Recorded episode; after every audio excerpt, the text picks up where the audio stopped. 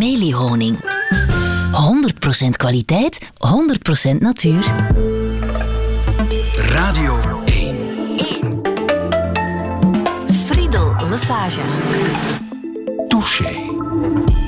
Touché vandaag met Josephine Dalemans. Goedemorgen. Goedemorgen, Friedel. Founding mother en hoofdredacteur van Charlie Magazine, dat ondertussen vijf jaar eh, bestaat. En ook auteur van De Naakte Waarheid, dat rode boekje dat Ja. sinds twee maanden in eh, de boekhandel ligt. Voor alle vrouwen die denken dat hun lichaam niet goed genoeg is. Volgens mij zijn dat heel, Dat zijn er erg heel veel. vrouwen. Dat is een heel grote doelgroep. Ja. Heb je die al bereikt, denk je? Nog niet allemaal, denk ik. Ehm, maar het is de bedoeling met dat boek om, eh, om ze ja, toch allemaal te laten lezen en dingen te laten inzien, zodat ze hun lichaam wel goed genoeg Want je hebt straffe plannen. Hè? Je wilt het eh, patriarchaat omverwerpen en de dieetindustrie platleggen. Ja, dat staat op mijn to-do-list, ja. Nu, ik besef wel dat ik daar alleen niet in zal slagen, hoor, maar... Ja, het is toch wel hallucinant en we gaan daar straks eh, verder over doorpraten wat het beeld van de vrouw is op dit moment en hoe het eh, veel beter kan. Ja. Ehm, wat weinig mensen weten is dat jij ook de illustratrice bent van eh, Roxy Stript in het eh, Nieuwsblad, het magazine van het Nieuwsblad. Ja, klopt. Elke twee weken maak ik een stripje rond een hoofdfiguurtje Roxy. Dat ben ik eigenlijk.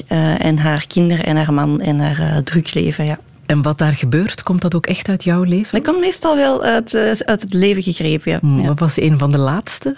Weet je dat zo uit het blote hoofd? Oh, dat was waarschijnlijk iets aan mijn kind. Jawel, mijn, ehm, ik, eh, mijn zoontje eh, had een, een, geurtje. Hij is 10 en 13. Eh, hij begon naar zweet te ruiken. En ik zeg, jongen, je moet echt wassen. Hij zegt, ja, maar waarom hoeft dat? Ik zei, anders gaan de kindjes in jouw klas zeggen, Linus, je stinkt. En hij zei, nee, nee, ga je niet doen. Ik zeg, waarom niet? Ja, alle jongens stinken in mijn klas, mama. Dat boeit niet. Zoiets was het. Hoe zou jij jezelf omschrijven?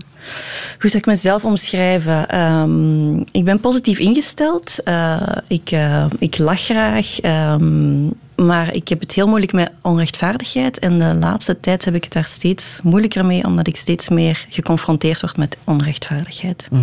Zullen we het ook straks eh, iets uitgebreider over hebben? Ja. Als het gaat over jou omschrijven, dan wil ik even heel indiscreet citeren uit je eigen boek. Je bent vrij lang en klungelig. Maar Het valt best mee hoor. Ik heb je alles goed bekeken. Jouw linkeroor doet het niet meer. Nee, ik ben eh, sinds een paar jaar eh, doof langs één eh, kant. Mhm. En dat is genetisch. Mijn moeder heeft het ook. En ik, en ik dus ook. En het is eh, stelselmatig gegaan. Dus zeven jaar geleden had ik last van gehoorsvermindering, verlies. En nu, de laatste tijd, is het erger en erger geworden. Maar wij horen elkaar nog. Wij, ik hoor jou perfect nu. X-benen, dat lees ik ook in jouw boek. Ja, mijn knieën staan naar binnen. eh, en mijn voeten dus ook. eh, Waardoor ik heel moeilijk op hoge hakken kan lopen. Een buikje, dat heb je ook. Ja, ik denk zoals heel veel vrouwen. Ik heb twee kinderen gehad. Dus eh, dat zit daar, ja. En een zachte, volle C-cup. ja, dat klopt, ja. Staat allemaal in jouw boek. Hè? Het is niet dat ik eh, hier eh, vreemde dingen vertel. Nee, nee. Ja, maar eh, vernoem je dat ook om eh, eh, tegemoet te komen aan je eigen eh, levensmotto? Keep it real? Ja, toch wel. Waarom zou ik mij beter voordoen of anders voordoen dan ik ben? Ehm, er stopt daar zoveel energie in, in een, mooie façade recht houden. Nee, ik ben liever gewoon recht voor de raap. Uh, what you see is what you get. Ja, en waarom zouden we dat niet zijn? Hè? Inderdaad. Ja. Je bent vreemd genoeg ook iemand die niet graag in de picture staat. Terwijl je het net zo jammer vindt eh, dat vrouwen te weinig eh, op het voorplan komen. Ja, ja, ja. Pas op, ik schrijf heel graag. Dat is ook een manier van in de picture te staan. Dit vind ik ook heel fijn, maar zo um, heel het glamour uh, gedeelte uh, met de make-up en de mooie kleren en de fotoshoots, dat is niet aan mij besteed. Mm. Nee. Dat hoeft eigenlijk ook nee, niet. Dat hoeft eigenlijk ook niet nee. om uw boodschap naar buiten te brengen. Mm. Absoluut niet. Josephine Dalemans, welkom in Touché. Dank je. Radio 1. 1. Friedel Lassage. Touché.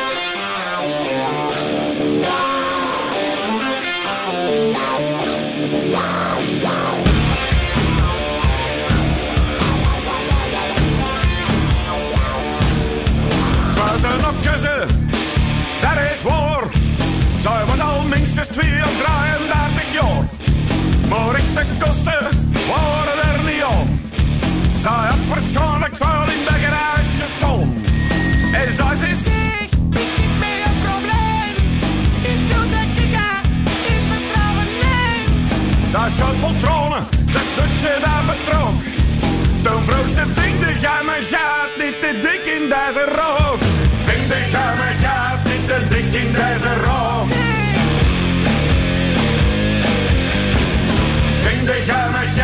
Te dik in deze rook?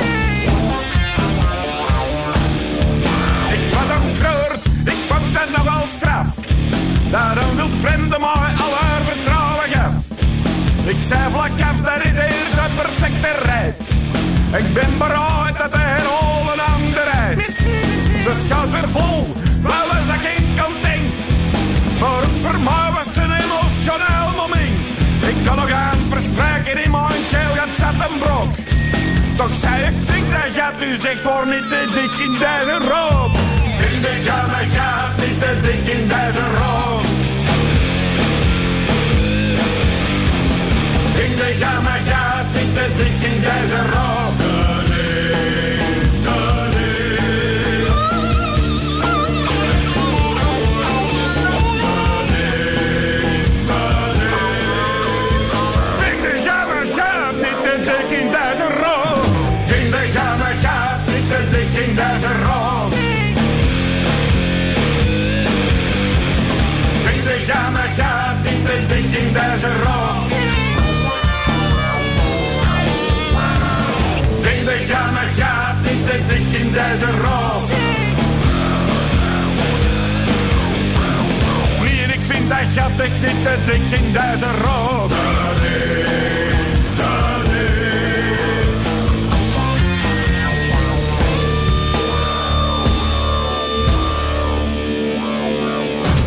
De Clement Peres Exposition met Vind jij mijn gat niet te dik in deze rok? Josephine Dalemans, volgens jou een totaal overbodige vraag. Ja, Toch? Ja, toch, ja.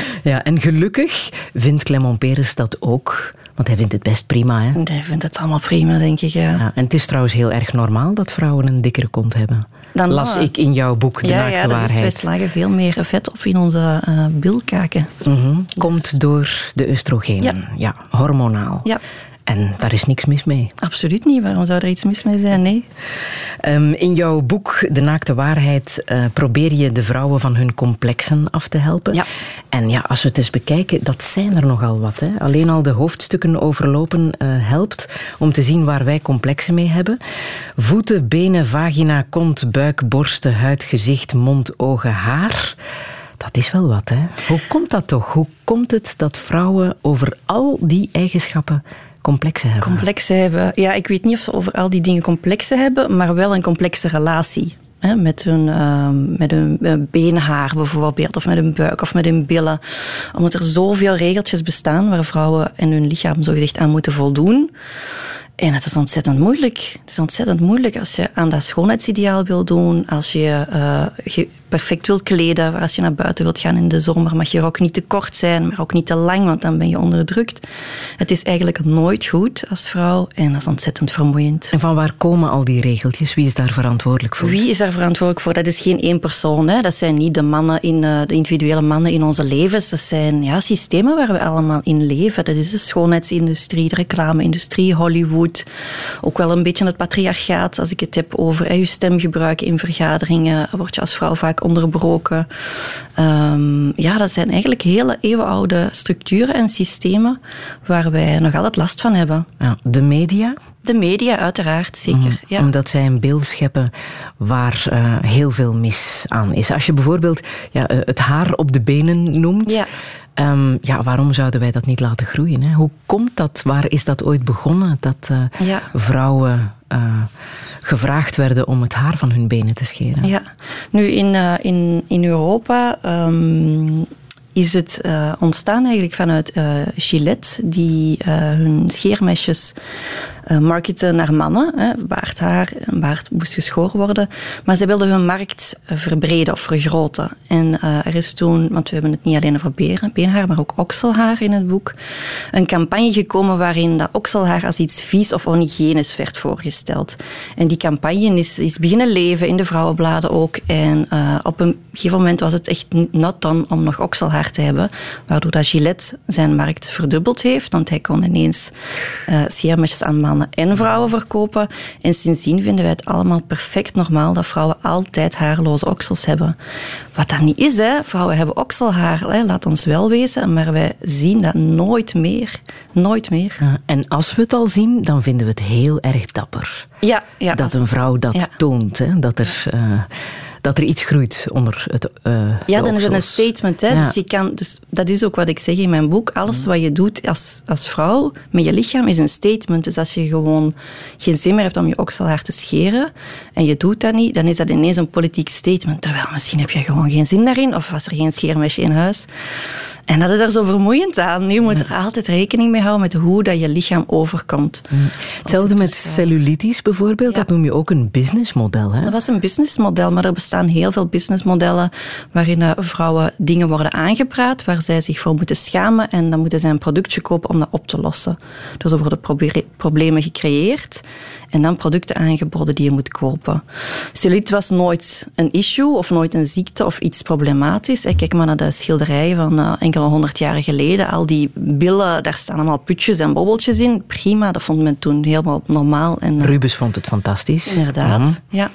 En dan is er een cosmetica-producent, eh, een hele slimme cosmetica-producent geweest, ook gewoon 100 jaar geleden. En die heeft dat als een ziekte in de markt gezet. Is iets wat dat je moest bestrijden en behandelen. En hij had daar uiteraard het juiste product voor de anticellulitecrème. Nu, dat werkt niet, hè. Dat werkt echt niet. Hè? De handeling van het, van het smeren zelf kan misschien helpen voor een meer egalere huid. Maar het is niet zo dat er een bestanddeel bestaat dat je celluliet zal oplossen. Nee, dat, is, dat bestaat gewoon. Bijna alle vrouwen hebben dat, sommige mannen hebben dat. En wij moeten ons er eigenlijk helemaal niet voor schamen. Is er iets aan het veranderen? Want eh, vorige week heeft ehm, het lingeriemerk Victoria's Secret aangekondigd dat ze hun jaarlijkse modeshow zouden afgelasten. Is ook eh, effectief eh, gebeurd.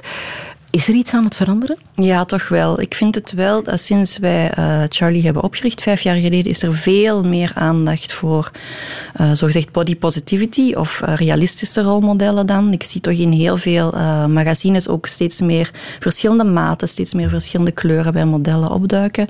En de jongere generatie is hier daar ook veel meer bewust van. En dus ook het management van Victoria's Secret. Of ze hebben jouw boek gelezen. Dat, nee, nee, dat denk ik ook niet. Nee, nee, nee, dat denk ik niet. ja. Maar dat is al een goed signaal. Dat zij beseffen dat het beeld dat ze geven, het, het lingeriemerk, Ja. dat dat niet strookt met de werkelijkheid. Nee, dat het niet strookt en dat het vrouwen ook eh, ongelukkig maakt. Waardoor waarschijnlijk is de, de reden erachter ook weer economisch. Hè, dat zij merken dat hun boodschap niet meer pakt. Dat vrouwen zich niet herkennen in die gefotoshopte modellen. Ehm, en dat zij hun ja, communicatie moeten aanpassen. Nochtans lees ik andere cijfers in jouw boek die ontstellend zijn. Vrouwen die er goed uitzien verdienen tot 6000 dollar meer in Amerika dan vrouwen die eh, kiezen voor een natuurlijk uiterlijk. Dat zal ook wel zo zijn, denk ik. Dat is nog altijd zo. Ja, dat, ik denk dat het een, eh, inderdaad een, Brits onderzoek of een Amerikaans, ik weet het niet meer. Dus mooie mensen verdienen meer dan tussen haakjes lelijke mensen, dus zowel mannen als vrouwen. Dat is iets heel jammer is, maar misschien ja, gegeven de omstandigheden in onze maatschappij normaal. Of, Maar eh, vrouwen die ehm, geen make-up dragen of weinig met hun haar doen, ehm, die krijgen inderdaad minder betaald. Die worden ook minder snel aangenomen. Mhm. 60% van de vrouwen zegt dat sociale media een slechte invloed hebben op hun zelfbeeld. Zei Ja. je ook zo net, hè? Ja. En slechts 30% van de vrouwen is tevreden met haar borsten. Ja, dat is weinig, hè? Ah, Ja, ongelooflijk. ja. Allemaal door de media. ja, de media, de reclame, sociale media. We zien heel weinig normale lijven. Hè. Als je denkt hoeveel beelden dat je per dag op je netvlies gebrand krijgt. eh, reclame of, of Instagram of Facebook eh, of Hollywood films. ehm, en je vergelijkt het aantal beelden van normale mensen die niet gefotoshopt zijn of niet bewerkt zijn. We zien veel meer bewerkte beelden, waardoor dat wij gaan denken dat die bewerkte beelden de norm zijn. hè, of, of de realiteit zijn. En we kijken naar ons eigen lichaam en denken, shit, dat is iets, er is iets mis mee. Ik ben lelijk, of mijn borsten hangen, of, of mijn billen zijn te dik. We vergelijken ons altijd met dat onrealistisch schoonheidsideaal dat eigenlijk bijna niet bestaat. Waar je zelf heel erg door geraakt was, uh, was toen je las dat vrouwen zich liever uh, laten aanrijden door een vrachtwagen dan dat ze dik zouden zijn. Ja, ja dat was een uh, enquête in Esquire, een magazine is geen wetenschappelijk onderzoeker, maar een steekproef. En men had aan de lezers gevraagd, wat zou je het liefste hebben? Overreden worden door een vrachtwagen of dik zijn? Wat eigenlijk een no-brainer zou moeten zijn. Hè? Maar die 54% verkoos overreden worden door een vrachtwagen. Omdat die angst om dik te zijn of om dik gevonden te worden zo, zo diep zit. Ja. En dan kwamen de vragen welke vrachtwagen dat zou zijn. Ja, ja een professor, het komt uit het boek van professor Engelen. En uh, zij uh, geeft les en ze legde dit uh, resultaat voor aan studenten. En ze dacht, ja, mijn studenten die gaan daar heel hard mee lachen. En we gaan daar een discussie over hebben. Maar de discussie was niet hoe komt het dat die angst voor dik zijn zo diep zit. Maar de vraag was, hoe, hoe snel rijdt die vrachtwagen? Hoeveel botbreuken heb ik? Hoe lang zal ik in het ziekenhuis liggen? Wat haar ja, standpunt eigenlijk nog maar meer bevestigt. Maar wat daar ook uit voortkomt, is dat we het blijkbaar heel erg belangrijk vinden om een voorbeeld te hebben, om rolmodellen te hebben. Rolmodellen die nu niet genuanceerd genoeg zijn, die nu veel te eenzijdig zijn, maar toch heeft de vrouw een rolmodel nodig. Dus ja. daar moet wat aan veranderen. Ja, en die zijn er steeds meer aan het komen, denk ik. En ik denk bijvoorbeeld hier in Vlaanderen aan Jitske van de Veire, die heel hard inzet op die um, body positivity. Mm -hmm. um, en dat is, dat, is, dat is fijn, hè? Dat, is, uh, dat is fantastisch. Ja. Um, maar het mag ook wel verder gaan naar rolmodellen alleen. Er mag ook wel structureel iets veranderen. Ja. Zit het beeld van de mannen in de media dichter bij de waarheid?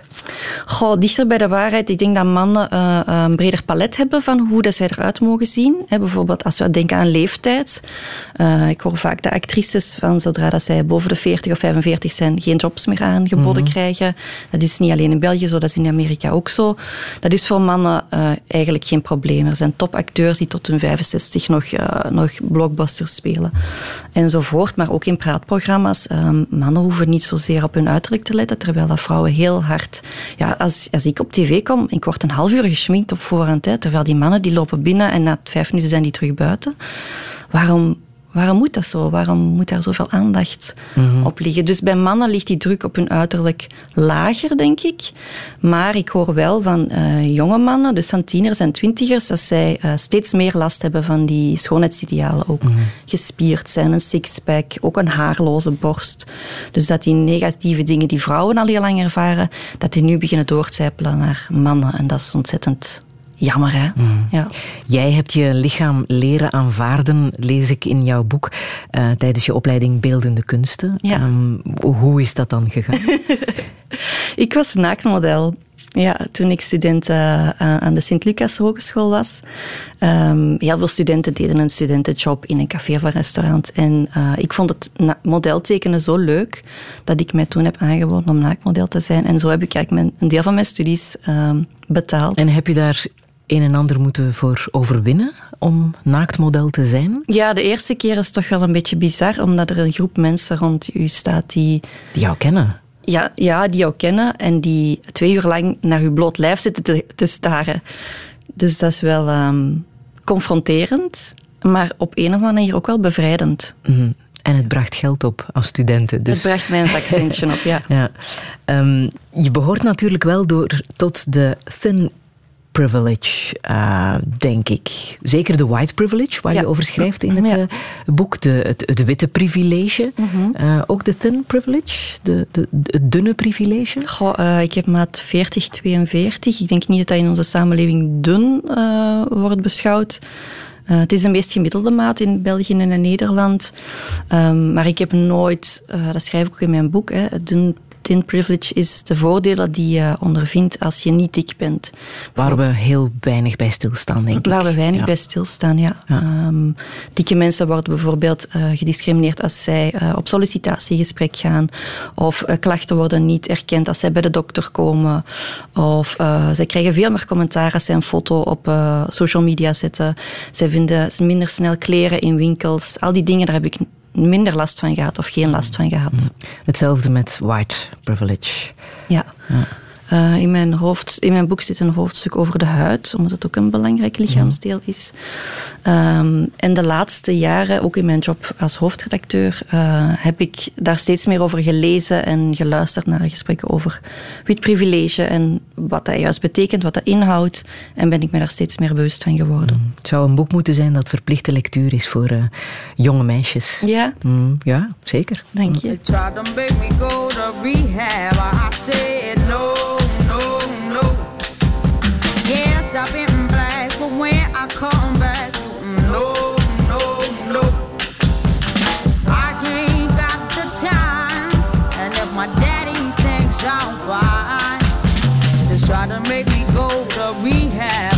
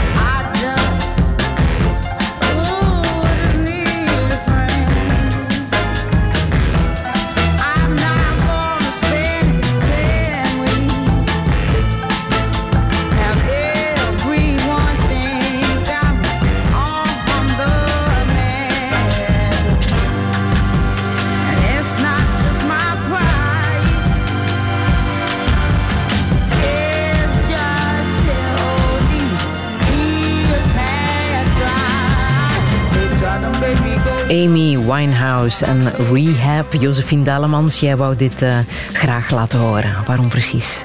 Ja, eh, het is gewoon een steengoed nummer in de eerste plaats. En ik heb haar ook live gezien toen zij eh, in België was.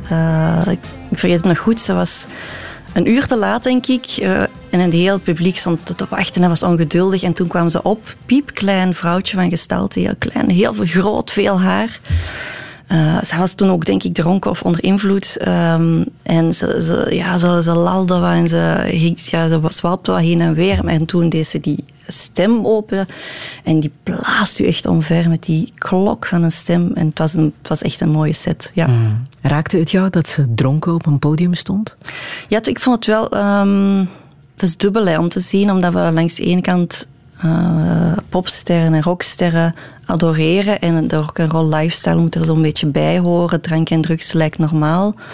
Maar mijn vader heeft zelf een drankprobleem gehad, dus ik weet ook wel wat erachter schuilt, voor de omgeving dan. Dus ik heb er altijd een heel dubbel gevoel bij als we dat ophemelen. Hè, die drank en die, en die drugs die bij het rock'n'roll leven hoort. Zo rock'n'roll is een drankprobleem niet. Niet. Nee. Wat schuilt daarachter? Wat schuilt daarachter? Eh, heel veel verdriet van de persoon zelf, denk ik. Want alcohol gebruik je om te verdoven, om weg te vluchten van je problemen. Uh, en uh, heel veel verdriet van de omgeving die die persoon wilt helpen en genezen. En mijn vader is twee keer naar een rehab geweest, naar een ontwenningskliniek. En de eerste weken als hij thuis kwam, ging het iets beter. Maar dat hervallen is ontzettend vermoeiend en tragisch. Mm -hmm. uh, alcohol is ook een heel verslavende drug. Het is heel moeilijk om daar op je eentje van af te kicken. Hè. Ze zeggen wel eens, als je eens verslaafd bent geweest aan alcohol, ben je voor de rest van je leven verslaafd. Je blijft er altijd aan denken. En zo heb ik dat ook wel uh, ervaren. Mijn vader is er ook nooit van afgeraakt. Mm -hmm. Is er een verklaring voor, denk je? Want een, een verslaving komt nooit alleen. Hè? Is er een verklaring voor zijn verslaving? Voor zijn verslaving, ja, ik denk dat hij een ongelukkig um, man was. Uh, hij kwam van een uh, familie, hij was uh, advocaat, zijn vader was huisarts. Hij kwam van een rijk gezin, waarin dat vooral voor de façade werd geleefd. Een groot huis, veel, veel aanzien. Um, maar achter de schermen, en dat zag ik dan als, als kind en als kleinkind ook, als ik bij mijn grootouders kwam, zag ik ook wel heel veel miserie die verstopt moest worden en waarover niet kon gepraat worden. En zeker bij mannen, hè, dat heb ik ook uh, geleerd de afgelopen jaren uh, door onderzoek te doen naar gender. Um, alcoholmisbruik komt ook het vaakst voor bij mannen, omdat zij nooit leren praten over hun problemen, omdat zij ook nooit worden geoorloofd om daarover te praten om, of om zich zwak op te stellen. Uh, dus ik denk in de, de situatie van mijn vader heeft hij heel veel moeten inslikken, verdringen. Um, het was ook, als ik mijn moeder uh, moet geloven, een creatief en gevoelig man. Maar zo heb ik hem nooit ervaren. Uh, hij moest ja, advocaat worden, een, een, een beroep dat aanzien had. Um, en ik denk dat hij zijn leven lang ongelukkig is geweest en dat ja, weggedronken heeft. Mm -hmm. Hoe was het voor jou om dat te zien gebeuren als jong meisje, als dochter? Weet je, als kind, als je daarin geboren wordt, dan is dat normaal, omdat je niks anders kent. Het is pas door ouder te worden, door tiener te worden of door volwassenen te worden en terug te kijken, dat je beseft van wat er toen allemaal is gebeurd, is eigenlijk helemaal niet zo normaal. Maar als kind ben je heel flexibel, hè? je past je heel vaak aan. En ik had gelukkig uh, een hele goede uh, moeder die twee jobs had om uh, ja, alle rekeningen en schulden te betalen. En die ons met heel veel liefde heeft grootgebracht. Er ook voor gezorgd heeft dat mijn broers en mijn zus en ik naar de universiteit en naar de hogeschool konden.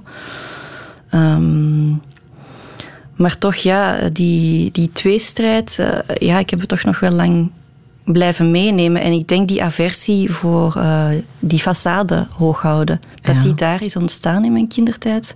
En dat ik die nu ook in mijn professioneel leven mm -hmm. Mm -hmm. meeneem. Ja, aversie ook voor alcohol, hoe ga je daar nu mee om? Ik heb geen aversie voor alcohol, nee. nee. Ik, uh, ik drink wel graag een glaasje. Um, ik ben er niet aan verslaafd. Um, dus op dat gebied heb ik dat probleem niet overgeërfd. Mm. Maar het is inderdaad bijzonder mooi hoe je op het einde van uh, jouw boek, De Naakte Waarheid, jouw moeder bedankt. Hè. Je schrijft, iedereen verdient een moeder zoals jij. Ja. Je spreekt haar aan. Van wie heeft zij die overlevingsdrang, die, die kracht, uh, denk je? Ik denk van haar moeder dan, hè, van mijn grootmoeder. Ja? Uh, mijn grootmoeder uh, was een Hongaarse. Um, zij was kind na de Tweede Wereldoorlog in Budapest. En, na de Eerste Wereldoorlog, excuus. En Hongarije was heel erg getroffen na de Eerste Wereldoorlog. En er, er waren heel veel arme kinderen toen die um, ja, eigenlijk te weinig eten hadden, te weinig kleren hadden. En haar moeder stierf toen en haar vader had ook een drankprobleem. Het zit echt in de familie bij ons. En um, zij werd toen, ik denk dat dat in het begin van de uh, 20e eeuw was, rond um, ja, 1920, als ik me niet vergis, op een trein gezet naar België en Nederland om aan te sterken. En dat was een, um, een project dat het Rode Kruis had opgezet. De kindertreinen noemden ze dat toen. En in die tijd zijn er 150.000 Hongaarse kindjes naar België en Nederland gekomen om hier aan te sterken uh, tijdens een soort vakantiekamp, een aantal maanden, waarin dat zij in een warm gezin in België of in Nederland um, even op adem konden komen. -hmm. En een deel van die kinderen is nooit teruggegaan. Waaronder ook mijn, mijn oma. Uh, zij en haar zus uh, zijn op een uh, trein gezet. en dat is het tragische in, in dat verhaal. Op het perron zijn zij van elkaar gescheiden. Dus de zus van mijn oma is in België terechtgekomen. En mijn oma is naar Nederland gestuurd. Dus je moet je voorstellen, moederziel alleen. Ik denk dat zij zes of acht jaar was op het perron, gescheiden van haar zusje naar een gezin waar zij de taal niet kende, de taal niet sprak. De pleegmoeder van mijn oma was ook niet zo'n hele warme, hartelijke vrouw. Um, en zo is ja, mijn moeder, uh, grootmoeder haar leven eigenlijk begonnen in een land waar ze de taal niet sprak, waar ze mm. eigenlijk een beetje bekeken werd als een vies en vuil en arm, arm kind, als een soort ja, tweede rangsburger. Zij is dan op haar twintigste getrouwd met een Nederlander en um, samen met haar man naar België gekomen om dichter bij haar zus te zijn, die hier in uh, de Kempen woonde. En daar hebben zij dan hun, uh, hun gezin gesticht, waarom, waarvan mijn mama de jongste dochter werd. En die de overlevingsdrang van haar moeder heeft ja, de geërfd. Ja, dat is, dat ja, is duidelijk. ja. ja.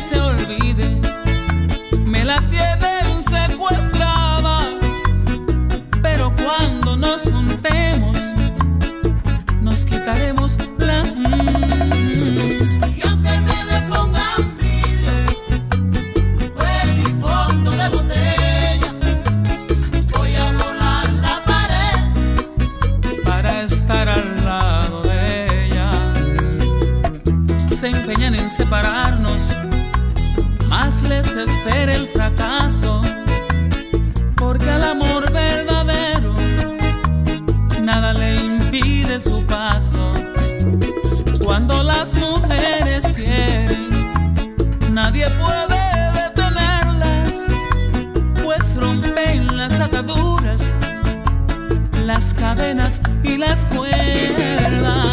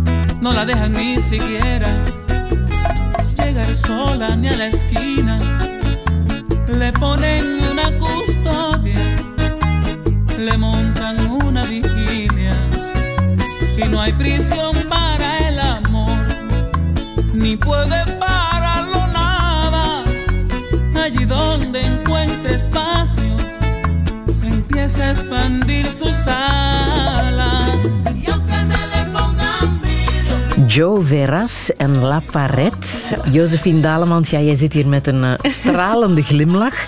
Waaraan doet jou dit denken? Aan de Caraïben. De Ja, Caraïben. Caraïben. Ik heb daar een jaar, eh, iets meer dan een jaar, eh, gewoond met mijn man. Ja. En hoe lang is dat geleden? Ik denk dat we in 2005 eh, vertrokken zijn. Ja, klopt, 2005. En hoe kwam je daar terecht? Goh, ik was het hier zo beu, Friedel. Nee.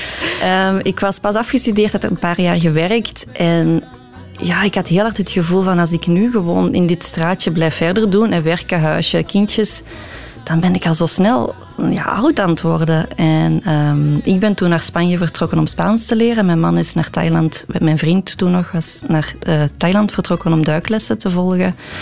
En wij zijn dan samen ehm, na vijf maanden eh, naar de Caraïben vertrokken, waar hij als duikinstructeur aan de slag ging en ik in eh, de duikschool en in het hotel de klanten verder hielp in het Dus jij Spaans. hebt daar echt gewoond en Ja, gewerkt met de bedoeling om daar te blijven, Om daar een tijdje te blijven, ja. ja, ja. maar dat is niet gebeurd.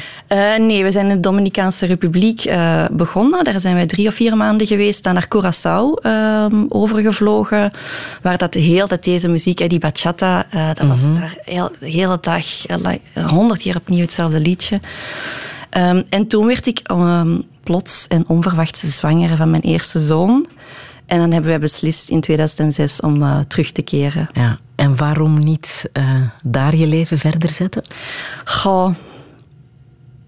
Ja, dat was, wij hebben op eilanden gewoond. En eilanden zijn heel fijn om, om even weg te zijn van de wereld. Maar ik kreeg daar toch ook wel snel eh, zo die eilandgekte. Ja, op twee of tweeënhalf uur ben je van het ene, eiland, het ene uiterste van het eiland naar het andere. En dat voelde op een gegeven moment ook wel heel klein aan. En bovendien, ja, mijn eerste kind, dat wilde ik mijn moeder niet ontzeggen. Van haar kleinzoon te zien opgroeien. Eh, dus dan zijn wij besloten om terug te keren. Was dat moeilijk? Om terug te keren? Ja. Eh, Ik denk voor mij niet zo, omdat ik ja, heel erg met die zwangerschap bezig was. Voor mijn man wel. Soms denk ik dat hij eh, graag nog langer had gebleven dan, dan één jaar of een dik jaar. En dat er ooit misschien een moment in zijn leven gekomen dat hij terug wil. Misschien niet naar de Caraïben, maar naar een ander land. Ehm, maar ik was toen heel hard bezig met die zwangerschap. Ja. Hier ben je ook wel vrij snel, denk ik, terug aan de slag geraakt. Hè? Als eh, art director van verschillende vrouwenbladen. Ja. Ja, tien jaar lang heb je in die sector gewerkt? Ja, ik ben begonnen als illustrator voor Flair. Eh, en dan ben ik eh, beginnen layouten. En dan elke keer chef layout en dan art director. Een heel aantal bladen eh, ehm, gedaan. De stijl geleerd van bladenmaker. Een prachtige stijl is die een beetje verloren aan het gaan is, jammer genoeg. En na tien jaar ehm, dacht ik nu, wil ik, nu wil ik het zelf eens proberen. Dat zeg je nu heel positief, maar eigenlijk had je er genoeg van. Van Van het beeld te zien dat van ja, vrouwen ja. werd gecreëerd. Ik herkende mezelf niet. Hè? Dus ik zag heel vaak hè, een slanke, blanke vrouw op de cover of in modeshoots. eh en qua onderwerpen, ja, dat waren onderwerpen waar ik wel voor een deel mee bezig was. Maar ja, mode en koken en voor de kindjes zorgen is maar een heel beperkt deel van mijn persoonlijkheid. Dus ik, vond, ja, ik voelde mij niet vaak niet aangesproken of ik herkende mij niet in de beelden of niet voldoende in de beelden. En als ik in mijn omgeving rondkeek, ja, zag ik eigenlijk heel veel vrouwen die er anders uitzagen, die andere dingen deden of van andere dingen wakker lagen. En ik dacht, ja, waar, is, waar zijn de magazines voor hen dan?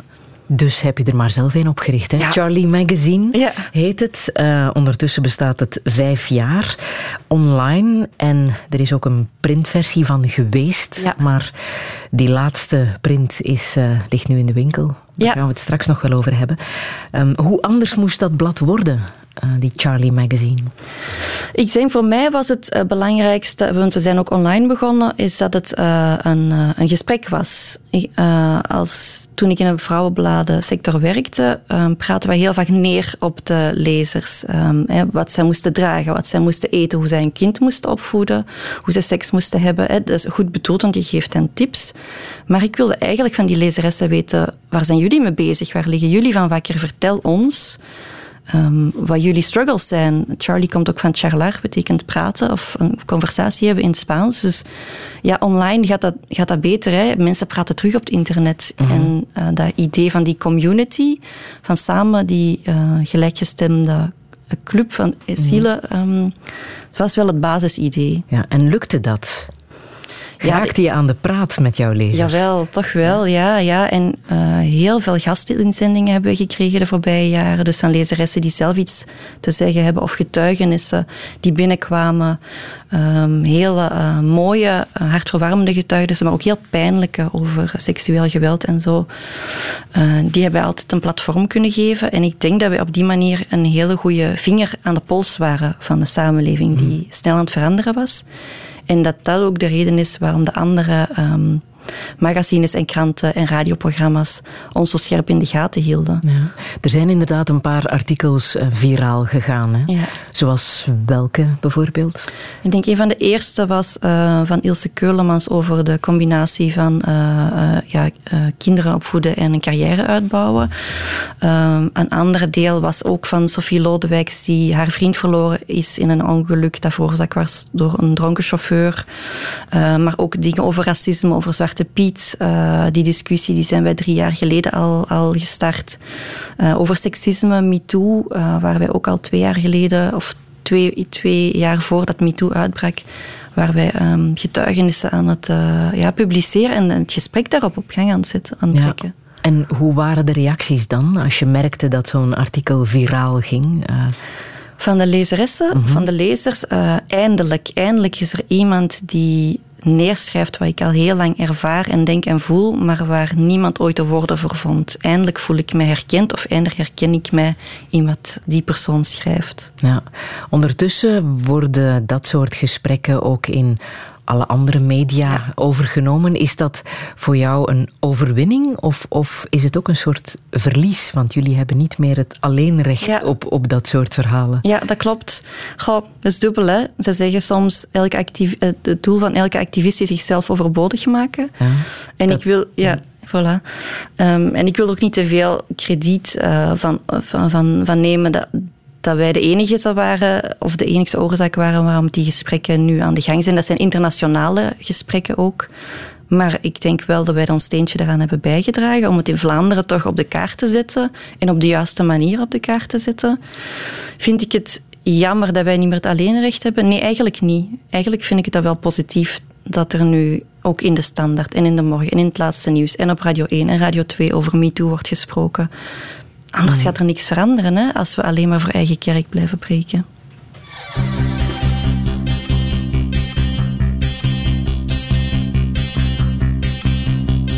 She came from Greece, she had a thirst for knowledge. She studied sculpture at St. Martin's College, that's where I caught her eye. She told me that her dad was loaded.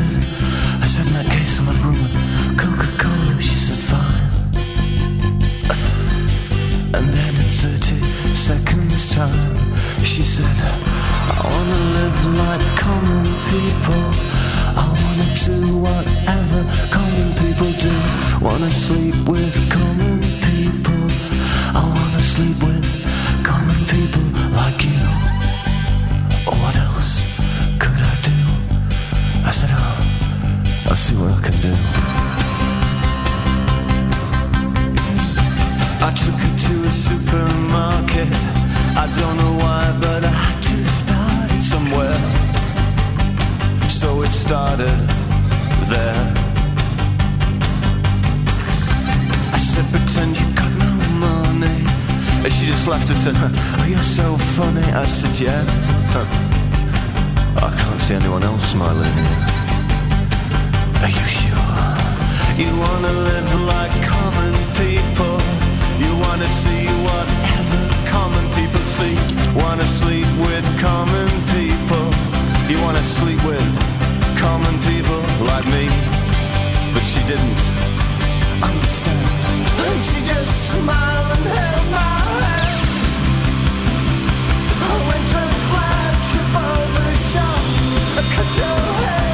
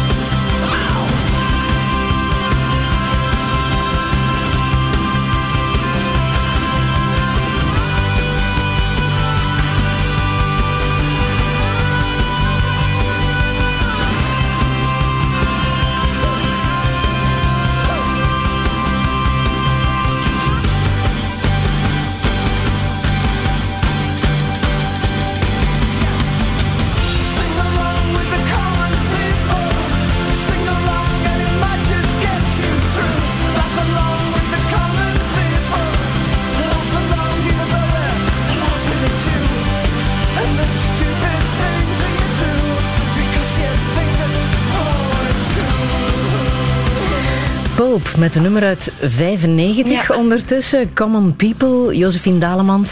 Er is een reden voor hè, waarom je dit nummer wil laten horen. Ja, het doet me heel erg denken aan mijn eh, tienerjaren. Ik was toen, eh, hoe oud, 16 dan, denk ik. Eh, en ik vind de tekst zo goed. Het gaat over een, een rijk meisje dat je ontmoet in een bar. En zij zegt, ik wil zoals de gewone mensen, mensen leven. Hè. Ik wil seks hebben zoals de gewone mensen. In huizen van gewone mensen leven. En zo'n bizar idee dat je als rijke persoon gewoon even... eh, dat kostuum van een arme persoon kunt aantrekken en dan weten wat het is. Je kunt niet weten wat het is om arm te zijn als je rijk geboren bent. Dat gaat niet. Is daar ook iets herkenbaars in voor jou? Dat verschil tussen de rijke wereld en de arme wereld? Ja, ja, misschien dan van mijn ouders. Mijn, ma- mijn papa die van een heel rijk gezin kwam en mijn eh, moeder die van een vrij eh, eh, gewoon gezin kwam. En ja, die klassenverschillen die blijven toch nog altijd. Eh, Mensen uit een ja, rijk gezin hebben het veel makkelijker dan mensen uit een arm gezin. En eer je die armoede, eer je daaruit bent gegroeid, dat gaat, daar gaat toch een aantal generaties overheen. Mhm. Maar toch was het fijner in het eh, gezin langs jouw moederskant. Ja, ja, het was veel gezelliger, warmer. Die mensen hadden niks, maar die deelden alles. En in het gezin van mijn vader, die hadden alles en die deelden niks. Eh, ja. Je hebt het eh, leven geleerd, schrijf je ergens, ik weet niet of het in jouw boek is, door boeken te lezen en films te kijken. Ja. Ja, dus mijn, ja, dat doe ik ontzettend graag. Langs de ene kant om te ontsnappen, een soort van escapisme, echt helemaal weg te kruipen in een serie of in een boek. Eh, maar ik vind het heel fijn om ehm, door iemands anders perspectief naar de wereld te kijken. En dan heb je heel erg veel geleerd van de Britse journaliste Caitlin Moran, Ja. die eh, How to Be a Woman heeft geschreven. Vrouw zijn, hoe doe je dat? Ja. Door haar ben je feministe geworden? Ik denk dat ik altijd al feminist was, maar dat ik nooit het woord daarop plakte. Omdat ja, ik kwam het niet tegen in die tijd. Tien jaar geleden was er geen sprake van feminisme. En zij gebruikte het heel duidelijk. Ook op een hele grappige en leuke, ehm, leuke manier. En ja, haar boek was een eye-opener inderdaad. Ja, en kan je zeggen waarom? Wat heeft jou daar dan zo in geraakt? Maar ze zo no-nonsense eh, schreef over hoe het is om een, een vrouw te zijn en welke dingen dat je allemaal meemaakt en moet doen en hoe absurd eh, die zijn. Eh, over abortus, maar ook over feminisme, over single zijn, over reclame, over mode.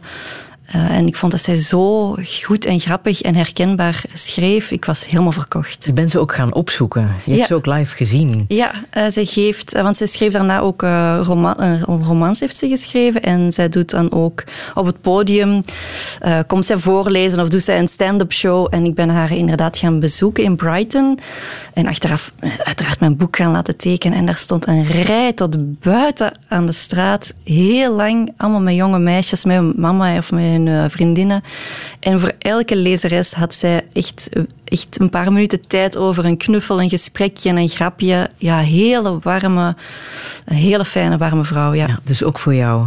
ja voor mij ook. Ja, ja, ze zei, ik gaf een com- compliment over mijn man. Ze zei, eh, he looks like a good shack.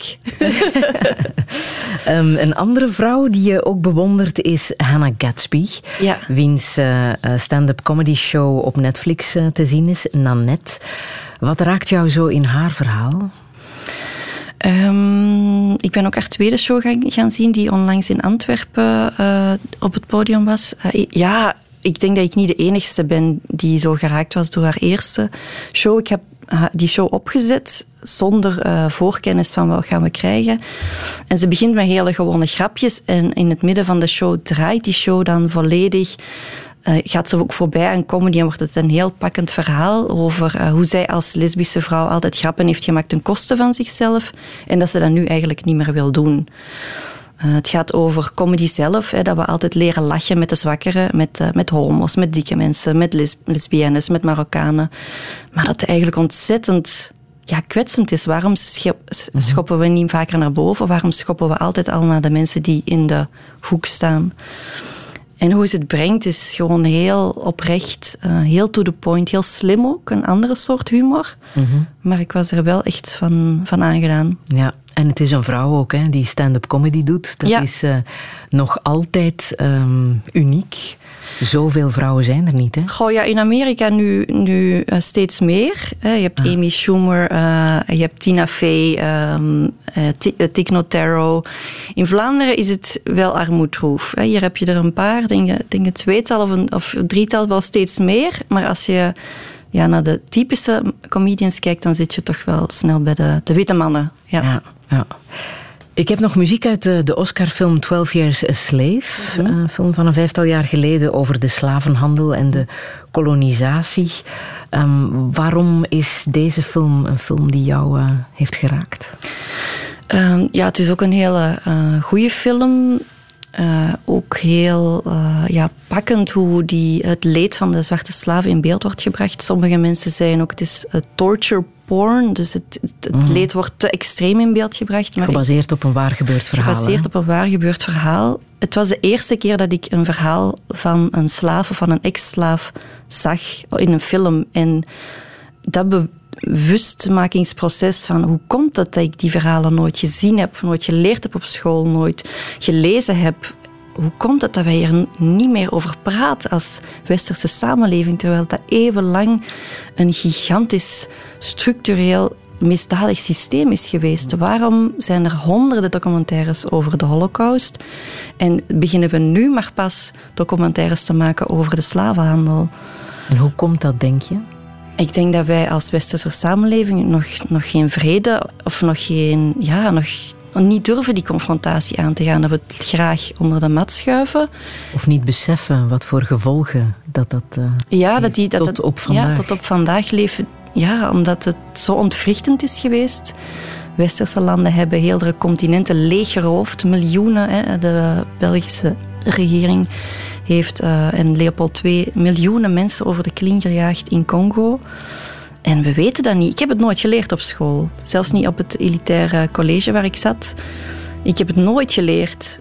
En om daar nu als volwassen vrouw pas al die feiten te weten komen... Ja, het klopt niet dat we daar zo weinig eh, ons bewust van zijn.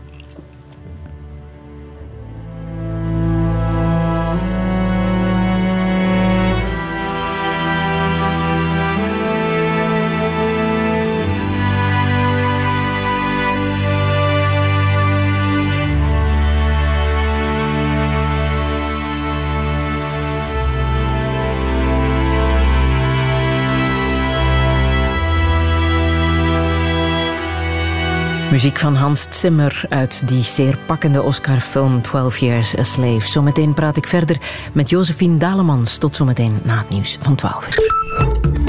Meliehoning. 100% kwaliteit, 100% natuur. Radio 1. Friedel Lassage. Touché. Touché met de hoofdredacteur van Charlie Magazine, Josephine Dalemans. Na tien jaar hard werken als art director voor vrouwenbladen had ze er genoeg van. Alles moest voldoen aan het stereotype beeld van de perfecte vrouw. Een beeld dat niet strookt met de werkelijkheid. Dus besloot ze haar eigen online magazine te lanceren. Met de baseline Fuck Fake. Een noodkreet die haar vruchten afwerpt. Maar hoe moet het verder? Kan een online magazine overleven in tijden van gratis content? Is de jeugd klaar voor de echte wereld? En hoe is het om veertig te zijn? Dit is Touché met Josephine Dalemans. Een goedemiddag. Tous comme des animaux de toutes les chattes, ça parle mal 2018. Je sais pas ce qu'il te faut, mais je suis plus qu'un animal. J'ai vu que le rap est à la mode et qu'il mange mieux quand il est sale. Bah faudrait peut-être casser les codes. Une fille qui l'ouvre, ce serait normal. Balance ton. Même si tu parles mal des filles, je sais qu'au fond t'as compris. Balance ton quoi, un jour peut-être ça changera. Balance ton quoi. Donc laisse-moi te chanter.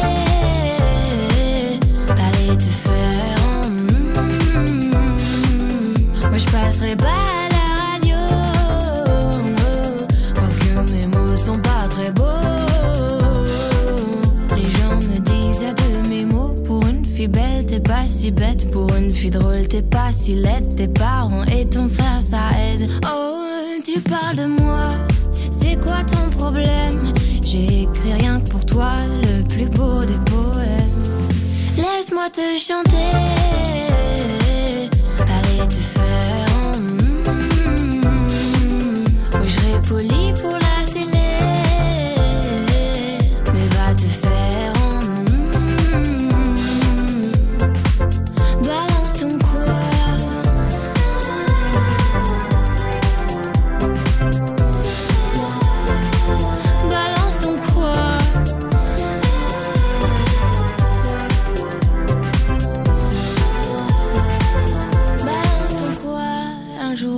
ça changera.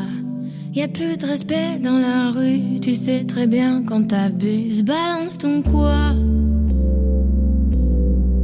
Balance ton quoi? Laisse-moi te chanter. Allez te faire. en mm. Moi je passerai pas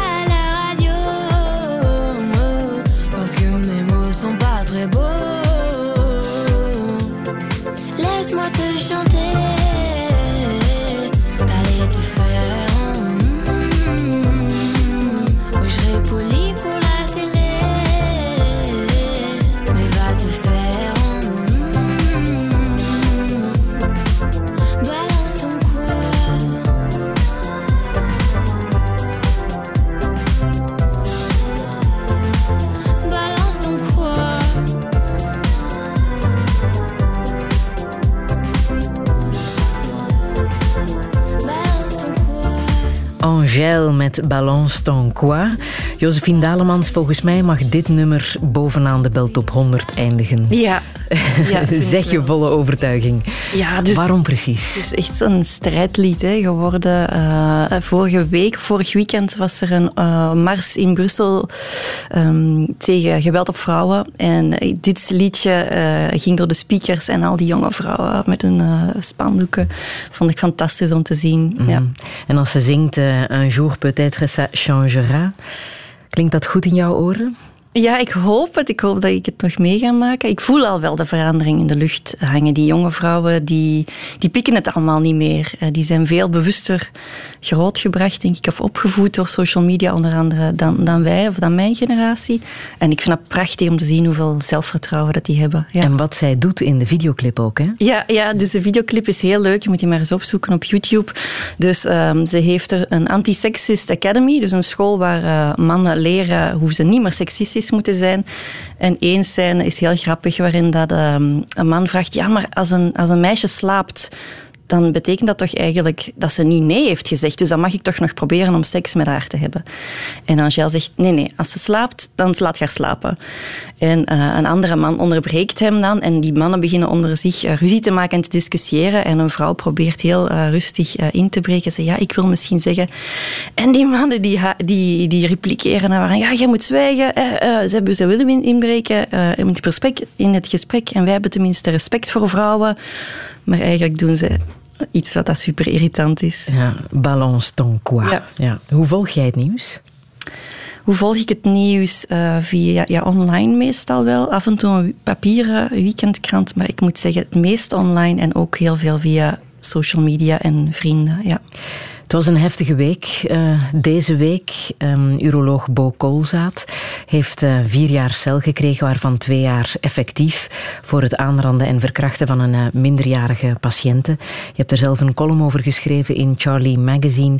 Dit was de reactie van de advocaten van het slachtoffer, Christine Mussen. Uiteraard tevreden, maar ook wel zwaar ontroerd. Het is een lang gevecht geweest en uiteindelijk met een resultaat wat zij echt wel hoopten, de hele familie. En dat op zich is natuurlijk een, eh, een grote geruststelling dat eh, de waarheid is kunnen naar boven komen. Touché. Je voelt dat het een eh, hele zware Ja. emotionele strijd is geweest, heel dat proces. Vier jaar cel, waarvan twee jaar effectief. Bo Koolzaad gaat in beroep tegen het Ja. vonnis. Wat denk jij bij, dit, bij deze uitslag, bij eh, dit vonnis? Ik begrijp dat, dat zij heel ehm, blij zijn. Want ik, als ik het goed begrijp, hadden ze verwacht dat uh, Koolzaad vrijgesproken zou worden, omdat dat ook was wat het uh, Openbaar Ministerie eiste. Uh, dus ik ben heel blij dat er effectief een veroordeling is gebeurd en dat de waarheid vooral aan het licht is gekomen. Hè. Ik denk dat dat voor de slachtoffers het belangrijkste is. Um, dat zij geloofd worden. Want als je als slachtoffer niet geloofd wordt, dan voelt dat als een tweede keer dat je integriteit wordt aange, eh, ja, aangevallen eigenlijk. Je hebt zelf ook heel erg meegeleefd met het slachtoffer. Ja. Dat is te lezen in de brief Ja. die jij hebt geschreven voor Charlie Magazine. Wat vertel je haar? Ik probeer me altijd, als ik die, dat soort zaken zie in de media, te verplaatsen in dat slachtoffer. Wat voor een strijd dat dan moet geweest zijn. Hoeveel drempels dat zij heeft moeten overwinnen om eh, met zichzelf in het reinen te komen. Dit toe te geven aan haar familie. eh, het schuldgevoel weg te krijgen. Het schaamtegevoel weg te krijgen. De energie te vinden om vier jaar lang op te boksen tegen al die juridische apparaten. Tegen eh, ja, de tegenpartij die haar probeerde af te schilderen als iemand die het ene vriendje na het andere versleet en die ehm, psychisch niet helemaal juist was. Dat moet om immens veel kracht en moed vragen van een persoon. En ik vind het eigenlijk verschrikkelijk dat wij als samenleving zo met die slachtoffers omgaan. Of toch onze instituten. Ja. Proces ook te voeren tegen een, eh, een bekende man ook, Ja. hè? Van 80, met een enorme reputatie. Ja. Ook wel een eh, bijzondere opdracht om die aan te gaan. Ja, David eh, versus Goliath. Hè, een jong meisje, onbekend, die tegen ja, de liefdesprofessor, of zo werd hij toch genoemd, eh, opneemt. De expert in alles wat relaties en liefde en seks was. Ehm, ja, de man had geld, de man had macht, de man had een netwerk. En heeft het ook ingezet hè, in het proces om zijn gelijk te willen halen. Ik zag van de week Nanette, de comedy show van eh, eh, Hannah Gatsby, waar zij ook eh praten over hoe vaak het gebeurt dat de reputatie van mannen belangrijker is dan Ja. het leven van vrouwen. Ja. Dat is ook hier het geval. Hè? Ja. Zij fulmineert tegen de Picasso's en de Chuck Berry's en de Roman. Polanski's en de Michael Jacksons van, van deze wereld. Heel gelijkaardig. Hè? Ja, vaak wordt er gezegd, ehm MeToo maakt de reputaties en de levens van mannen kapot. En dan denk ik, valt echt best wel mee hoor. Al die mannen die je oproept, of die je opsomt, die hebben eh, ja, misdadige feiten gepleegd, seksueel geweld gepleegd, en die hebben toch nog een prima carrière gehad. Wij blijven dat soort mannen op een piedestal zetten. Ik denk aan Jan Fabre, die ook een aantal eh, klachten aan zijn been had. Eh, die krijgt nog altijd subsidies. Die gaat nu een solovoorstelling maken. Valt wel mee hoor, met die carrières die kapot zijn. Die levens van die vrouwen die zijn kapot. Maar die carrières van die mannen die zijn heus al wat stugger. Ja. In jouw boek eh, schrijf je, ik heb eh, hashtag MeToo gesteund. Ja. Want je hebt het zelf ook meegemaakt. ja, toen die hashtag eh, uitkwam, ja, dan begin je natuurlijk te denken van wat heb ik allemaal meegemaakt. En voordat ik twintig was, ik schrijf het in mijn boek ook, eh, werd ik verschillende keren in mijn kont geknepen eh, in het uitgaansleven.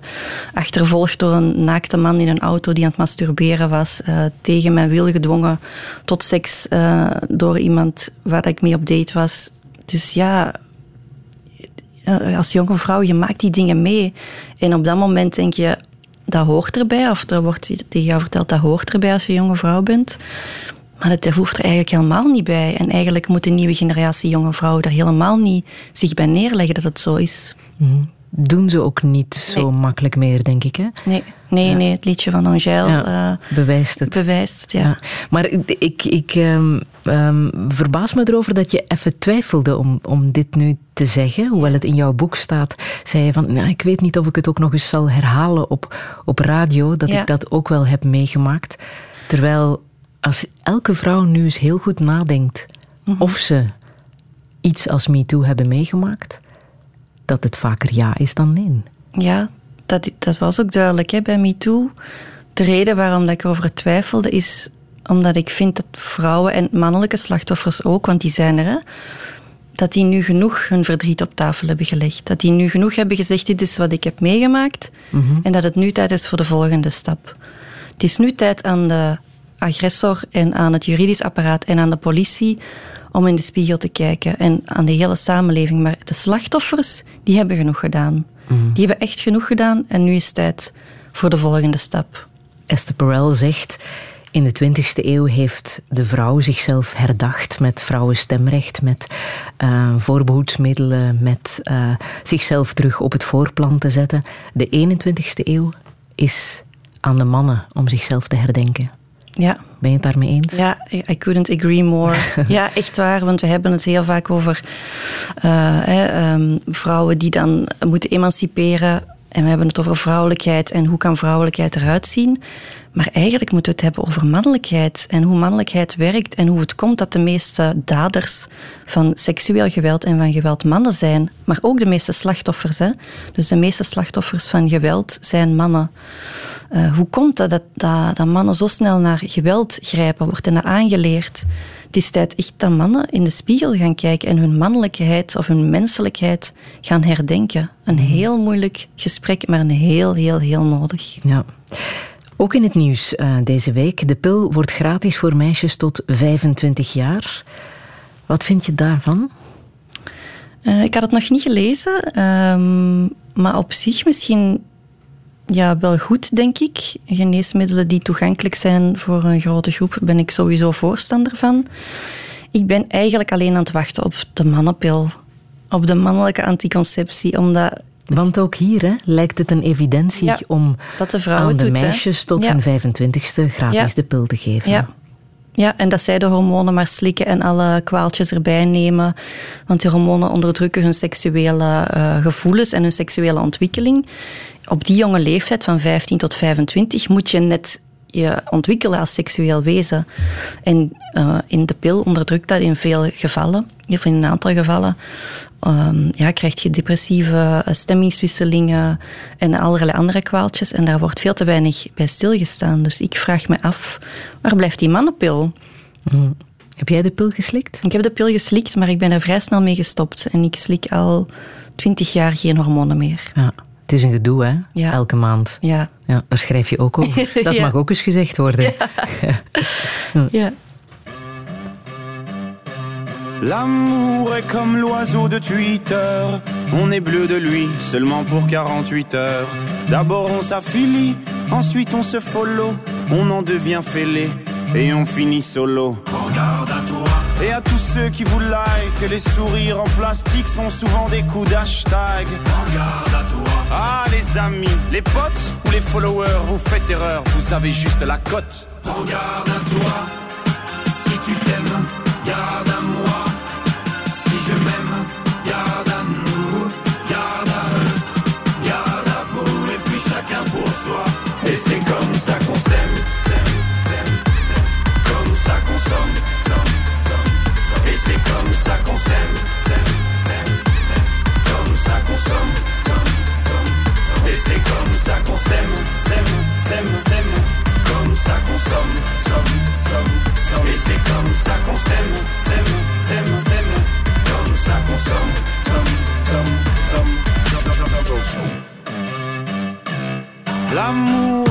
De la consommation.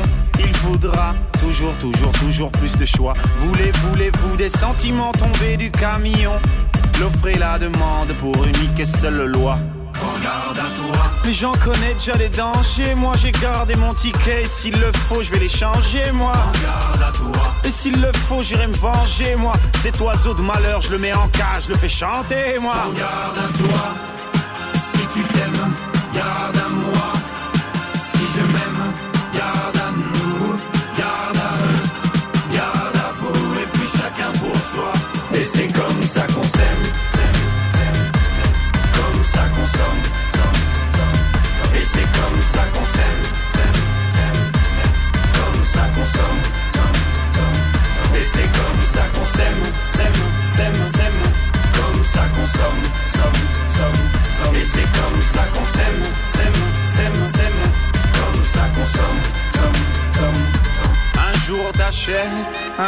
Tu aimes, un jour tu jettes, mais un jour tu payes, un jour tu verras, on s'aimera, mais avant on crèvera tous comme des rats.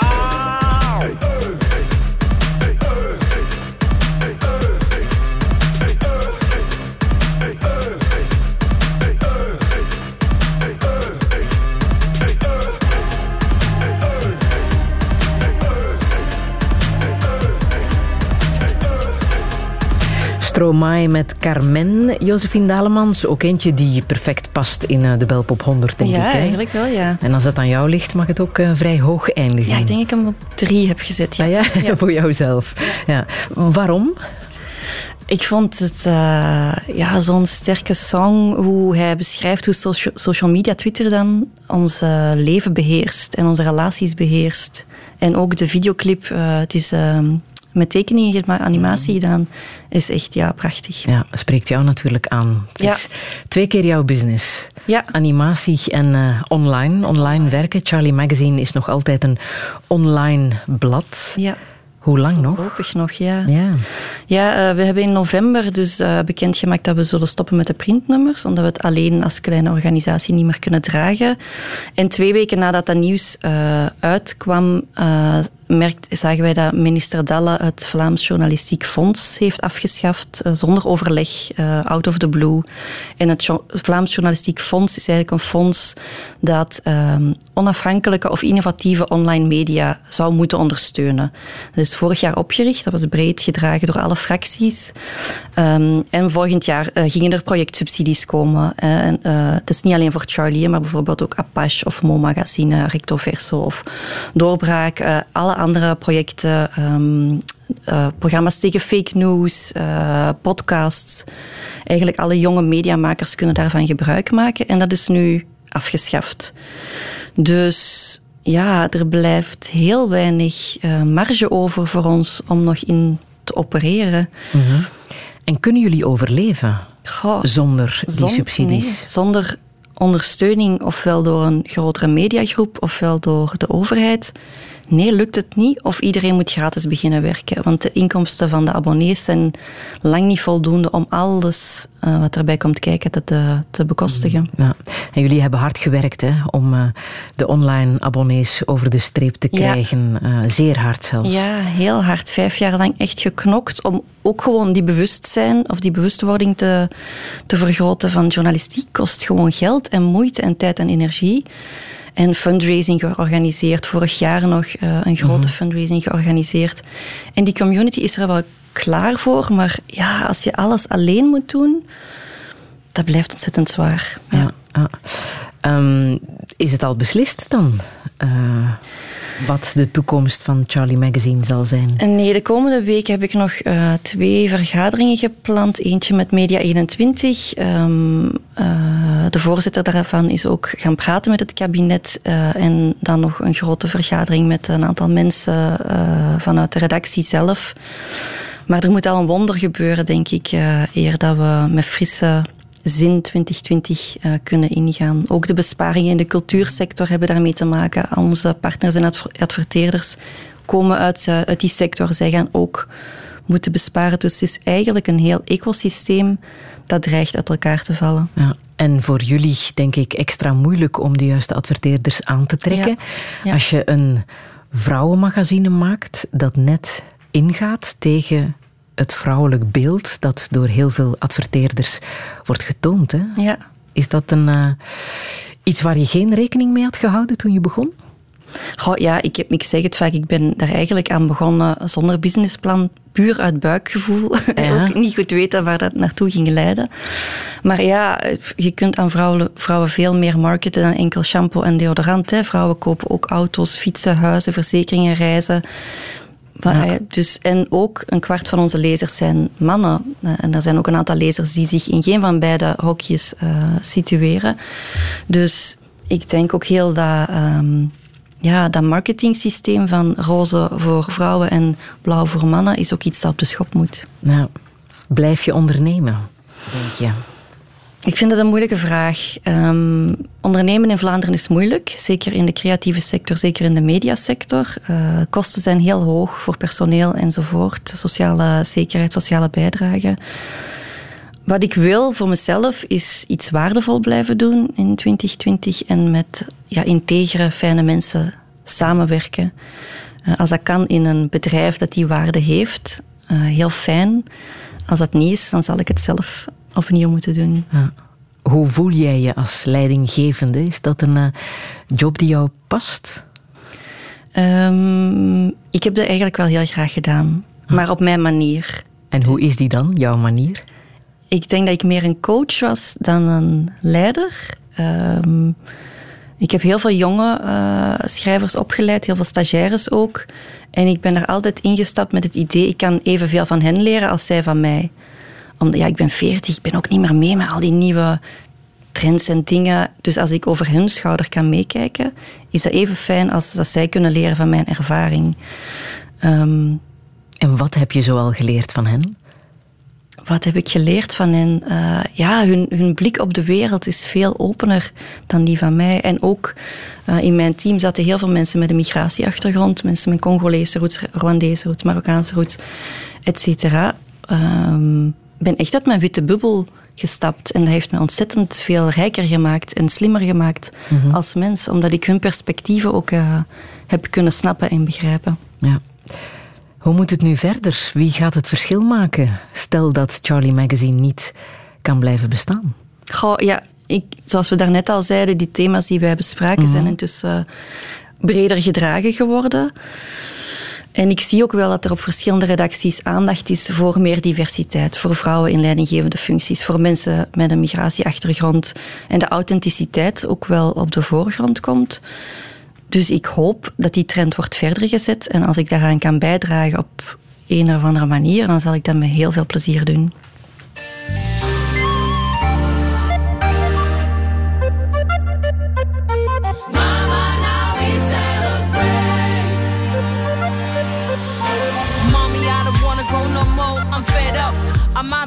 She said, keep your head up. Give me the smile that I like so much. She said, you could give it all, but you can never give up. She equal love and advice. Doesn't matter if it cast black or white, it just gotta catch mice. It's alright, think about it. You should be proud of who you are, don't let fear be an advisor. I love you so much, double the love. Give me all that I needed when I was feeling fucked up. She said, don't worry. I said, I'm sorry, cause I made her cry sometimes. Gave her the scared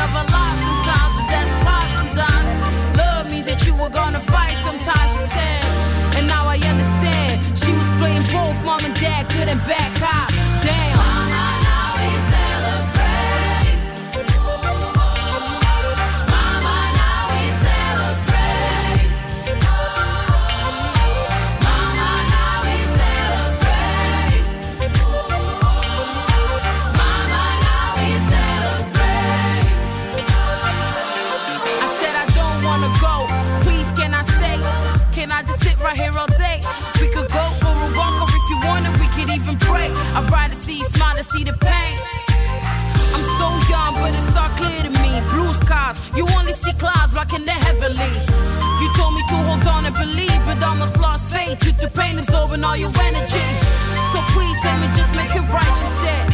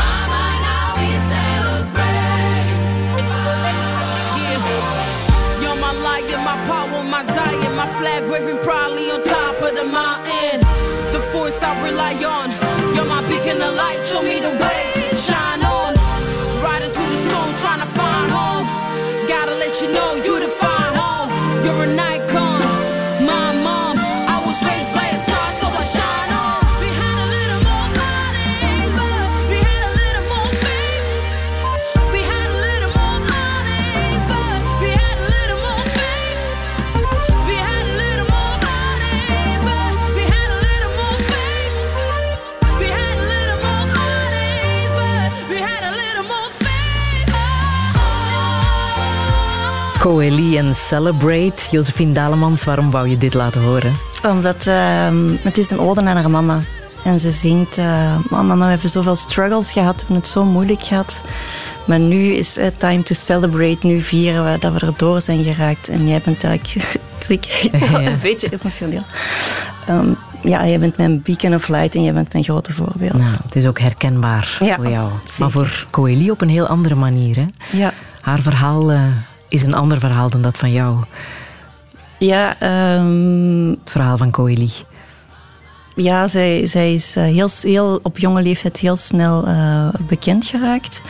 En ja, haar achtergrondverhaal, ja, misschien Mm. moet jij het even vertellen, want Afrikaanse achtergrond. Ja, ja, ja. Hier terechtgekomen en ze staat nu op een podium met heel veel succes. Ja, op die manier bedoel je. Ja, ja. Ja, ja, en ik heb ook altijd het gevoel dat mensen in ehm, Vlaanderen, zoals, of in België, zoals Co- Coeli, door de Belgen zelf vaak niet erkend worden. Maar als ze dan in het buitenland eh, belangrijk of populair of succesvol worden, worden, dan gaan we ze hen ineens wel opmerken hier. En dat is wel ontzettend jammer dat we dat jong talent niet meteen zelf kunnen herkennen en erkennen Mhm. en ondersteunen. Is dit muziek die bij jou thuis ook wel eens wordt opgezet? Eh, ja, maar dan zal ik het zijn. Dan zullen het niet mijn zonen of, eh, of mijn man Nee? zijn die het Wat is de smaak van jouw zoon? Hè? De smaak van mijn zonen is heel, heel eclectisch. Eh, daar kan ik zelfs geen naam op plakken als ze naar luisteren. Hoe oud zijn ze nu? 10 en 13. Ja, hm, interessante leeftijd. Ja. Ja. Ja. Leer je veel van hen? Ja, ja, ja. TikTok en zo en hoe, hoe dat werkt. Ja. Fortnite en Minecraft. En, ja, ja, ja, toch wel. Ja. Wat voor jongens zijn het? Twee heel verschillende jongens. Eh, de oudste is 13, die is heel eh, gevoelig en introvert van aard. En eh, de jongste is heel eh, ja, extravert en heel dynamisch en heel, heel beweeglijk en heel druk. Hij tekent heel veel, hij is heel creatief ook, eh, heel druk. En, en de oudste is zo meer rustiger, afwachtender, iets, iets banger en onzekerder. Ja. Je schrijft in je boek dat zij meer klaar lijken voor wat gaat komen. Dat ze veel meer vertrouwd zijn al met de evoluties in de maatschappij. Ja. Ja, als ik eh, met hen praat over genderhokjes, ik heb het gevoel dat die bij hen niet meer zo hard spelen. Mijn zoon heeft bijvoorbeeld een lichtroze trui, gewoon omdat hij die kleur mooi heeft. En dat boeit hem eigenlijk niet dat dat vroeger een meisjeskleur was. Ehm, en ook over homoseksualiteit, daar wordt allemaal niet meer zo raar over gedaan. Voor hen is dat heel, heel normaal. Ook diversiteit, die zitten met eh, verschillende nationaliteiten eh, in hun vriendengroep. Ehm, ook bijvoorbeeld eh, die discussie over het N-woord, of ze dat nog mogen zeggen of niet, die speelt bij hen eigenlijk niet. Zij voelen feilloos aan zonder dat ik dat heb moeten uitleggen wanneer dat, dat wel gezegd kan worden en, en, en wanneer vooral niet. Hè. Mhm. Dat eh, geeft toch hoop, nee? Dat geeft hoop, maar, en dat is iets wat Dalila mij ooit heeft gezegd, we mogen niet ervan uitgaan, Dalila Hermans, ehm, dat het zomaar vanzelf gaat opgelost worden. Ja? Omdat de, de, samenleving eh, diverser aan het worden is, zal racisme er wel vanzelf uitgroeien. Nee, zo werkt het niet. Eh, vrouwen zijn al sinds het begin der tijden 51% van de samenleving en toch bestaat seksisme nog altijd. Mhm. En zolang dat we daar niet tegen blijven vechten, zal het blijven bestaan. Dus Mhm. Je maakt je wel zorgen over de verruwing en de verrechtsing van ja. de maatschappij. Ja. Maar dat is een andere generatie dan? Die daarvoor nu verantwoordelijk is? Goh, dat is... Ja, dat weet ik niet of je daar een generatie op kan plakken. Eh, je ziet wel vaak eh, de oudere generatie die minder begrijpend is eh, naar seksisme en racisme enzovoort toe. Maar als je kijkt naar extreem rechts, er zitten ook heel veel jonge stemmers bij. Hè? En Dat baart mij vooral zorgen, dat het bij jonge mensen toch ook nog leeft. Stond deze week ook in de standaard radicalisering van extreemrechtse gedachtegoed in de eh, Vlaamse scholen. Mhm. Wat zeggen jouw zonen daarvan? Zij hebben dat nog niet meegemaakt. Ik denk dat dat op hun school geen, geen issue is. Maar ik praatte gisteren met een leerkracht die in het middelbaar onderwijs staat. En zij zegt dat dat effectief waar is. Dat daar eh, collega's bang zijn om opgebeld te worden door mensen uit extreemrechtse partijen die dreigen ehm, met eh, ik wil niet dat je je linkse gedachtegoed aan mijn kinderen op school eh, verspreidt. Eh, ja, toch wel heel veel ongerustheid en angst bij de leerkrachten. Leerlingen die dreigen met fysiek geweld. Ehm, Ik ben zelf ook eens eh, een lezing gaan geven op een middelbare school en ik merkte ook die boosheid bij die jongens. Het gevoel van wij zijn hier de onderdrukte groep en wij laten niet over ons heen lopen en vrouwen moeten hun mond houden. En ik vond dat heel beangstigend, die boosheid. Is dat iets dat, dat bij jullie dan aan de keukentafel eh, aan bod komt, wat eh, een gespreksonderwerp is? Ja, ook ehm, bijvoorbeeld een, een klein voorbeeld, want die jongens halen inf- informatie van het internet, hè, van YouTube-video's van online. En de bergen fake news die daar verspreid worden, dat is niet, eh, niet te overzien. En mijn zoon had een video gezien waarvan eh, de YouTuber zei... Hij had een hele um, exposé gedaan over feminisme en waarom dat niet meer nodig was en waarom feminisme eigenlijk belachelijk was. En hij vertelde dan ja, kijk, dit heb ik gezien. En ik denk ook wel dat dat een beetje klopt, zei hij. Want, en hij begon een aantal argumenten uit die video te herhalen. En dan is het het moment om daarop in te grijpen. Hè. Dan niet om te zeggen dat is allemaal bullshit en je mocht daar niet naar kijken. Nee, dan is het uw taak als ouder om naar die argumenten te luisteren en die proberen te weerleggen en feiten op tafel te, te leggen, zodat zij weerbaar zijn als zij volgende keer nog eens zo'n video zien. Mhm, Dat ze leren nuanceren. Ja, ja, en feiten van fictie te onderscheiden, dat vooral, denk ik. Waarin geloof jij? Waarin geloof ik eh, niet in een almachtige God. Eh, ik ben op een katholieke school, ehm, heb ik school gelopen, maar de indoctrinatie is niet gelukt. Goh. Ik geloof dat er in elke mens iets goeds en iets slechts zit. Ik heb ook het boek van Rutger Bregman gelezen. Maar de vraag is, welk, welk aspect trainen we? We hebben een goed been en een slecht been. Maar welk been gaan we trainen? Waar gaan we het meeste aandacht aan besteden? Zijn jouw zonen opgevoed met de notie van een Jezus, een God? Nee. Weten ze wie die figuren zijn? Nee, nee, eigenlijk niet. Ja, op hun school wordt bijvoorbeeld ook eh, geen traditioneel kerstfeest gevierd. En ik heb het kerststalletje een aantal jaar ook weggehaald, want zij hadden geen flauw idee van wie die mensen zijn. Ze wisten wel Maria en Jezus, maar de Bijbelse verhalen volgen zij eigenlijk niet meer. Wij gaan ook bijna nooit naar de kerk, tenzij voor een trouwfeest of een begrafenis. En het idee dat er boven in de lucht een of andere almachtige God zit, is voor hen zo absurd. Nee, ze zijn er eigenlijk niet mee bezig. Je neemt ze wel graag mee naar een museum, hè? Ja. Waar zij jouw ogen openen. Ja. Zij zien daar bijvoorbeeld dat er veel meer naakte vrouwen op schilderijen staan dan, dan naakte mannen. Ja. Op Jezus na dan. ja, klopt. Eh, twee jaar geleden ben ik met hen naar Parijs geweest en we gingen naar Musée d'Orsay, dat is een van mijn lievelingsmusea. Eh, en mijn jongste zoon die trok ineens wit weg en hij zei, mama, ik ben een beetje misselijk. Ik zeg, waarom? Ja, er zijn zoveel blote mensen op die schilderij en waarom hebben alle vrouwen, zijn alle vrouwen bloot en hebben de mannen hun kleren aan? Al die schilders zijn seksisten, zei hij. En ik moest lachen en ik dacht, ja, moet niet zo preut zijn. Maar toen begon ik te kijken en ik dacht, effectief, al die vrouwen zijn jonge, mooie, blote vrouwen en al die mannen hebben kleren aan. En al die schilders waren oudere mannen, dus ja, dat klopt ergens ook niet. We hebben nergens een omgekeerd museum hè, dat vol staat met blote mannen, geschilderd door oudere vrouwen. Dus uw blik op wat dat kunst is, is ook wel gevormd door een patriarchaal systeem. Mhm. Weten ze al wat ze willen worden? Later, Later? als ze groot zijn. Eh, de jongste wil tekenaar worden, dus die wil een beetje in mijn eh, eh, ja, voet, schoenen ehm, voetstappen volgen. En de oudste weet het nog niet. Ehm, documentairemaker of eh etalagist, weet het nog niet. Documentairemaker. Ja. Dat klinkt ook al wel in de journalistieke Ja. sector, hè? ja. Waar je ook wel iets kan teweegbrengen. ja, ik denk hij eerder zo natuurdocumentaires. Ja. Ja. Wat heeft de documentaire eh, Cowspiracy met jou gedaan? Het heeft mij doen stoppen met vlees eten, met dieren eten. Ja. Ah, Was het zo heftig? Ja, ik kon die beelden niet onzien. Ehm, en ook al die beelden die daarna zijn gevolgd van die slachthuizen. Ik wilde daar niks meer mee te maken hebben. Eh, en ik ben onge- ongeveer vier of vijf jaar geleden gestopt met vlees eten. Ehm, dat ging me eigenlijk vrij goed af, omdat ik echt die degoe had. Hè, die walging van die, van die beelden. Ik kreeg die niet van mijn net, netvlies. En elke keer als ik een stuk vlees in de winkel lag, had ik nog wel het idee van, mm, dat is wel lekker, maar toch, ik zag een lijk van een dier liggen. Ik zag een dood stukje dood dier liggen.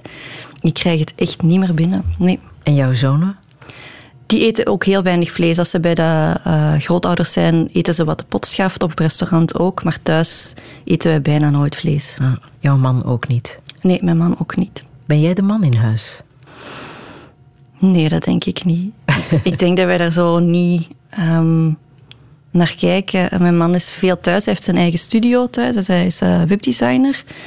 Ehm, hij kookt meer dan mij, hij, hij poetst meer dan mij. Ik ben echt een sloddervos. Ehm, maar ik doe dan weer de was en wij verdelen die taken eigenlijk heel gelijkwaardig. Het is geen gespreksonderwerp. Niet meer. Ooit wel geweest, maar nu zijn we alle twee heel blij met hoe de rollen verdeeld zijn.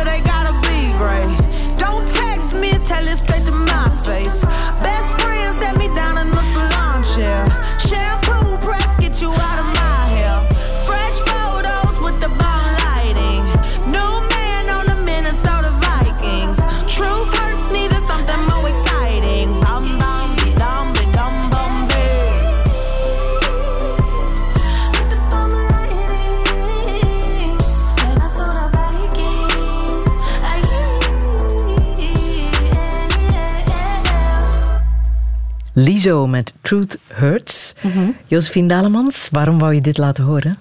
Eh, de titel is, verwijst een beetje naar mijn boek, hè, De naakte, naakte Waarheid. Truth Hurts. Eh, dat is ook zo, hè, de waarheid doet altijd een beetje pijn, maar uiteindelijk zal hij wel u bevrijden. En Lizzo is ook, ja, dat is een icoon geworden hè, de, het voorbije jaar. Dat is echt een voorbeeld voor heel veel jonge vrouwen. Ze is zo unapologetically zichzelf. Eh, ze heeft alle schaamte afgeworpen en ze staat daar en ze is zo bubbly en vrolijk. Ja, ik word er echt goed gezind van. En ze is ook de grote favoriet voor de Grammy Awards Ja. begin volgend jaar. Ja. Eh, genomineerd in acht categorieën, dus dat zal wel eh, goed. Ja. Ehm, volgend jaar word jij er... Nee, je bent er dit jaar 40 geworden. Afgelopen zomer Deze al. zomer. Ja. Hoe is dat gegaan? Prima. Ik heb een feest gegeven. Ik had er absoluut geen problemen mee. Ja. Nee, ik hoor van veel vrouwen dat zij het moeilijk hebben om eh 40 te worden. Ik, ik keek er eigenlijk wel naar uit. Ik Ja. dacht, genoeg met dat jong zijn, dat is kei vermoeiend. Laat mij maar lekker 40 worden.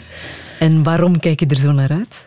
Ja, ik heb zin in die nieuwe levensfase. Zo niet meer bij de jonge vrouwen moeten horen, maar mijn plaatsje verdienen als ervaren 40-jarige vrouw. Je lijst het ook Wel op in je boek, hè? Oefening baart kunst, zeg je? Ja, ja, want we worden altijd... eh, je moet jong blijven en met anti-rimpelcrème, je moet er jong blijven uitzien. Maar daar zijn keiveel voordelen aan ouder worden. Je kunt dingen veel beter, omdat je het al vaker hebt gedaan. Je hebt veel meer vrienden, je hebt meer mensenkennis. Je kinderen zijn ouder, dus je moet geen pampers meer verversen of s'nachts opstaan. Ouder worden is een feest gewoon. Langer op deze planeet betekent ook, je bent meer mensen tegengekomen. Ja, Wat is daar het voordeel van? Sowieso meer mensenkennis. Dus je herkent sneller een, iemand die dat niet de juiste eh, voornemens of bedoelingen heeft met jou. Maar ook meer vrienden. Hè. Ik heb vrienden en kennissen nu over, een beetje over de hele wereld, dankzij mijn reizen. Ehm, ja, mensen waar je sneller bij terecht kan, een groter netwerk. Voor mij zijn mensen... Ja, sociaal kapitaal is belangrijker dan economisch of financieel kapitaal. Je kinderen worden ouder, Ja, ook een voordeel. ja. Ja. Ja, mijn kinderen waren vreselijke slapers. Ik heb de eerste jaren doorgekomen op een paar onderbroken uurtjes slaap per nacht. En dat is nu weg. En ja, ik vind het, veel. Ik vind dit veel leuker dan baby's. Ja. Tussen haakjes, je hebt ook 500 keer moeten menstrueren om twee zonen op de wereld te Ja, zetten. ja, ja. ja, de- Wat een leuke gedachte.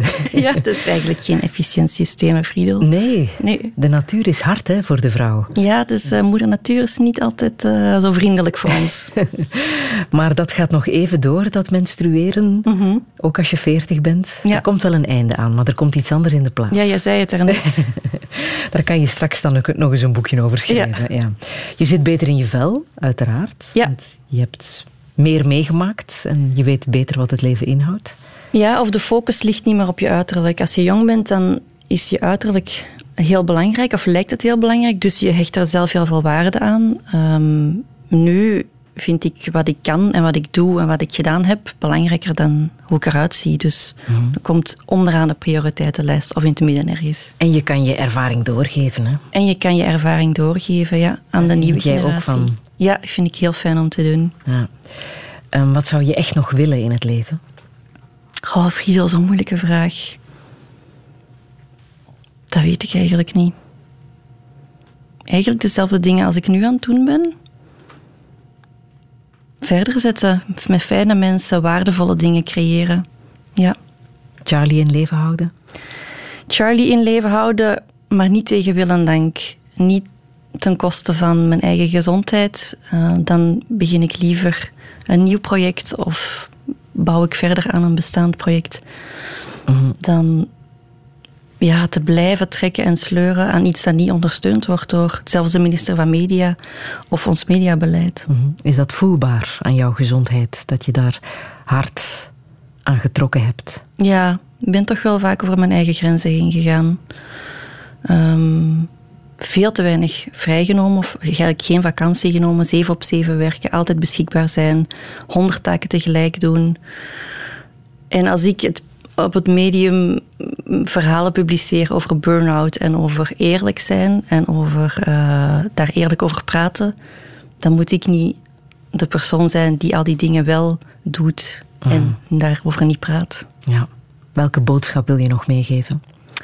Eh, het is een zinnetje dat uit het eh, boek ehm, van Caitlin Moran komt, eh, How to Build a Girl. Het gaat over een tienermeisje dat naar Londen vertrekt om muziekjournalist te worden. En ze probeert zich heel stoer voor te doen en zo'n gothic image aan te meten. En eh, op het einde van het boek denkt ze van, ja, wat heb ik nu eigenlijk gedaan? Ik heb altijd mezelf verstopt of anders voorgedaan. En ik heb eigenlijk de belangrijkste les die er is in het leven nog niet, nog niet geleerd. En die les is, ik ga het zeggen, The world is difficult and we are all breakable, so just be kind. En dat vind ik een hele mooie, hele mooie zin waar ik regelmatig aan terugdenk. Vrij vertaald is dat iedereen heeft een leven en heeft Ja, de, de, gevechten geleverd waar Voilà. we niet altijd van op de hoogte te zijn. Hè? Niet Nee. weten wat er speelt bij een ander. ja, de wereld is complex en iedereen is breekbaar. Hè? En vaak zien we dat niet, wat er achter die façade schuilt. Dus laten we mild zijn voor elkaar. Laten we mild zijn voor onszelf en voor elkaar, ja. Ja. Zullen we nog Missy Elliott Ja. laten zingen? Ja, heel graag. Ja, ze krijgt ook een plaats in jouw boek, hè? Ja. Waarom precies? Eh, ik denk dat zij in het hoofdstuk over de kont zit, waarin ik vertel eh, hoeveel verschillende gedaantes dat een vrouwenkont eh, mag en moet invullen. Om, ja, zij, zij, toen zij opkwam, zij brak, doorbrak letterlijk al die hokjes waar je als vrouw moest inpassen. Zeker zij als zwarte vrouw. En zij heeft echt er helemaal lak aan, aan al die regeltjes. En zij heeft zoiets, hier ben ik, take me. Work it.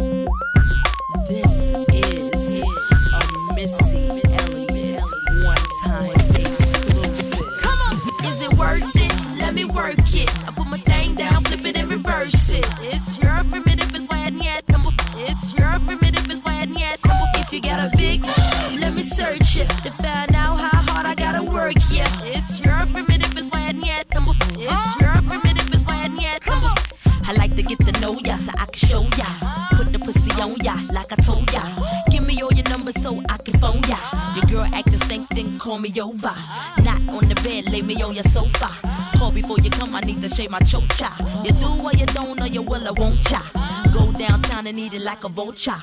See my hips and my tips so cha. See my ass and my lips don't cha. Lost a few pounds in my whips for ya. This the kind of beat that go ba ta ta. Ba ta ta ta ta ta ta ta ta ta. Sex me so good I say blah blah blah. Work it. I need a glass of water. Boy, yo boy, it's good to know ya. Is it worth it? Let me work it.